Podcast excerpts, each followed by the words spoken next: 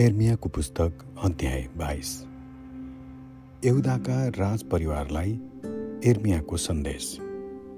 दाउदका सन्तान यहुदाका राजाका राजमहलमा गएर राजा तिनका भारदारहरू र एरुसलेमका बासिन्दाहरूलाई परमप्रभुको यो सन्देश सुना भन्ने आदेश परमप्रभुबाट मैले पाएँ।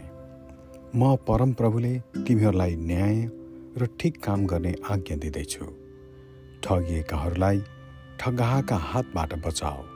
विदेशी टुहुरा टुहुरी र विधवाहरूलाई अन्याय र अत्याचार नगर। यो पवित्र ठाउँमा निर्दोषहरूको हत्या नगर। तिमीहरूले साँच्चै मैले भनेअनुसार गर्यौ भने दाउदका सन्तानहरू राजा भइरहनेछन्। तिनीहरूले आफ्नो भारदारहरू र प्रजाका साथ रथ र घोडाहरूमा सवार भई यस राजमहलका मूल ढोकाबाट आवत जावत गरिरहनेछन्। तर तिमीहरूले मेरो आज्ञा मानेनौ भने म मेरो नाउँमा शपथ खाई भन्छु कि यो राजमहल ध्वस्त हुनेछ। म परमप्रभु बोलेको छु। मेरो निम्ति यहुदाको राजमहल गिलाद देश र लेबनानका पर्वतहरू चाहिँ सुन्दर छ। तर म त्यसलाई उजाड र निर्जन स्थान बनाउने छु म त्यसलाई नाश गर्ने मानिसहरू पठाउँदैछु। तिनीहरू सबैले बन्चरोली आउनेछन् अनि त्यसका असल देवदारूका थामहरू काटी ढाल्नेछन् र आगोमा फाल्नेछन्। पछिबाट धेरै जातिका विदेशीहरू यस सहरबाट भएर जानेछन् र म परमप्रभुले किन यसो ठुलो सहरसित यस्तो व्यवहार गरे भने आपसमा सोध्नेछन् तर तिमीहरूले म तिमीहरूका परमेश्वरसित बाँधेको करार त्यागेर बिराना देवताहरू मानेका हुनाले यसो भएको हो भने तिनीहरूले जवाफ दिनेछन्। एहो आज बारे एर्मियाको सन्देश। हे एउदाका बासिन्दाहरू हो यो यहाँ राजाको निम्ति नरो र तिनको मृत्युमा शोक नगर। तर तिनको छोरो एहो आजको निम्ति धुरु धुरु रो। त्यो कैदी भई जाँदैछ र कहिले फर्केर आउने छैन। त्यसले फेरि कहिल्यै आफ्नो जन्मभूमि पाउने छैन। आफ्ना बुवापछि यहुदाका राजा हुने यो सियाहका छोरा यो बारे परमप्रभु यसो भन्नुहुन्छ। त्यो यस ठाउँबाट गएको छ र कहिल्यै यहाँ फर्केर आउने छैन।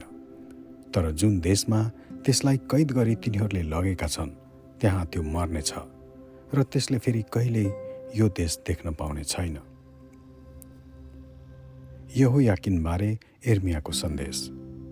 त्यो मानिस सत्यानाश हुनेछ जसले अन्यायले आफ्नो घर बनाउँछ र बेइमानी साथ त्यसको माथिल्लो तला बढाउँछ। सित्तैमा आफ्ना छिमेकीहरूलाई काम लगाउँछ र तिनीहरूका ज्याला दिँदैन। त्यो मानिसको सत्यानाश हुनेछ जसले यसो भन्दछ म आफ्नो निम्ति ठुल्ठुला कोठा भएको एउटा भवन बनाउनेछु अनि त्यसले घरका ठुला झ्यालहरू राख्दछ देवदारूका पल्लाहरू बनाउँदछ र ती रातो रङले रगाउँदछ। तैँले अरूका घरभन्दा असल घर देवदारूका काठले बनाइस् भन्दैमा के त राजा हुन्छस् र? तेरा बुवाले सारा जीवन आनन्दले बितायो। उसले सधैँ न्याय र ठिक काम गर्यो र आफूले हात लगाएको हरेक काममा उसलाई फलिफाप भयो। उसले गरिबको न्याय गर्दथ्यो र सबै कुरामा उसलाई राम्रो भयो। म परम प्रभुलाई चिन्नु भनेको यही होइन र? तर त त आफ्नो स्वार्थको कुरा मात्र देख्दछस्। तैँले निर्दोषको हत्या गर्दछस् र आफ्नो प्रजामाथि जबरजस्ती र अत्याचार गर्छस्। परमप्रभु भन्नुहुन्छ यसकारण यो सियाहका छोरा यहुदाका राजा यहो याकिमबारे परमप्रभु यसो भन्नुहुन्छ त्यो मर्दा कसैले शोक गर्ने छैन। हे दाजुभाइहरू हो कत्रो आपत आइपऱ्यो भने कसैले न विलाप गर्नेछ न हे मेरो राजा भने कोही रुने नै छ। मरेको गदा फाल्न घिस्साएर लगे चाहिँ त्यसलाई घिस्याउँदै लगेर एरुसलेमको मूल ढोकाको बाहिर फ्याँकिदिनेछ। एरुसलेमबारे एर्मियाको सन्देश हे एरुसलेमका बासिन्दाहरू हो लेबनानमा गएर कराओ बासानमा गएर रो मुआबका पहाडहरूबाट दुःखको स्वर उठाओ किनभने तिम्रा सबै मित्र देशहरूको हार भएको छ। तिमीहरूको सुदिनमा परमप्रभु तिमीहरूसित बोल्नुभयो तर तिमीहरूले उहाँको कुरा सुनेनौ।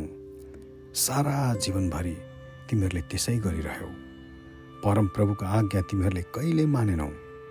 तिमीहरूका सा सारा सुख दुःखर्मले गर्दा नै तिमीहरूका अगुवाहरूलाई बतासले उडाइ लैजानेछ लडाइँमा साथ दिने तिम्रा मित्रहरू कैदी बनाई विदेश लगिनेछन् र सहर अपमान र लाजमा पर्नेछ। तिमीहरू लेबनानबाट ल्याइएका देवदारूका बीचमा ढुक्कसँग बास बस्नेछौ तर सुत्केरी हुने बेथा जस्तो पीडा तिमीहरूमाथि आइलाग्नेछ। तब तिमीहरू कष्टले छटपटिनेछौ। यहो याकिनमाथि परमेश्वरको दण्ड। यहो याकिमका छोरा यहुदाका राजा यहो याकिनलाई परमप्रभुले यसो भन्नुभयो म जीवित परमप्रभु छु भन्ने स्वयं साक्षी राखी म भन्दछु। मेरो दाहिने हातको छाप औँठी भए पनि म तँलाई निकाली फ्याँक्नेछु। ती मानिसहरूका हातमा म तँलाई दिनेछु जसको तैँले डर मान्दछस् र जसले तेरो ज्यान लिने इच्छा गर्दछ। म तँलाई बेबिलोनको राजा नबुकत नै सर र तिनका सिपाहीहरूका हातमा सुम्पिदिनेछु। तँलाई र तेरी आमालाई म परदेशको कैदमा फालिदिनेछु। तिमीहरू दुवैजना आफू नजन्मिएको देशमा जानेछौ र त्यहीँ मर्नेछौ। तिमीहरूले यो देश हेर्न इच्छा गर्नेछौ तर कहिल्यै फर्केर यहाँ आउने छैनौ। मैले भने के यहो याकिन राजा एउटा फुटेको र फ्याँकिएको गाग्रो जस्तै भएको छ जसलाई कसैले चाहँदैन? के त्यही कारणले तिनी र तिनका सन्तान आफूले नजानेको देशमा कैद गरी लगिएका हुन्? ए देश ए देश ए देश परमप्रभुका वचन सुन। यस मानिसको जीवनमा असफल र निसन्तान हुने दण्डाज्ञा परेको छ। दाउदको उत्तराधिकार भएर यहुदाका राज्य गर्न त्यसको कुनै सन्तान हुने छैन। म परमप्रभु बोलेको छु।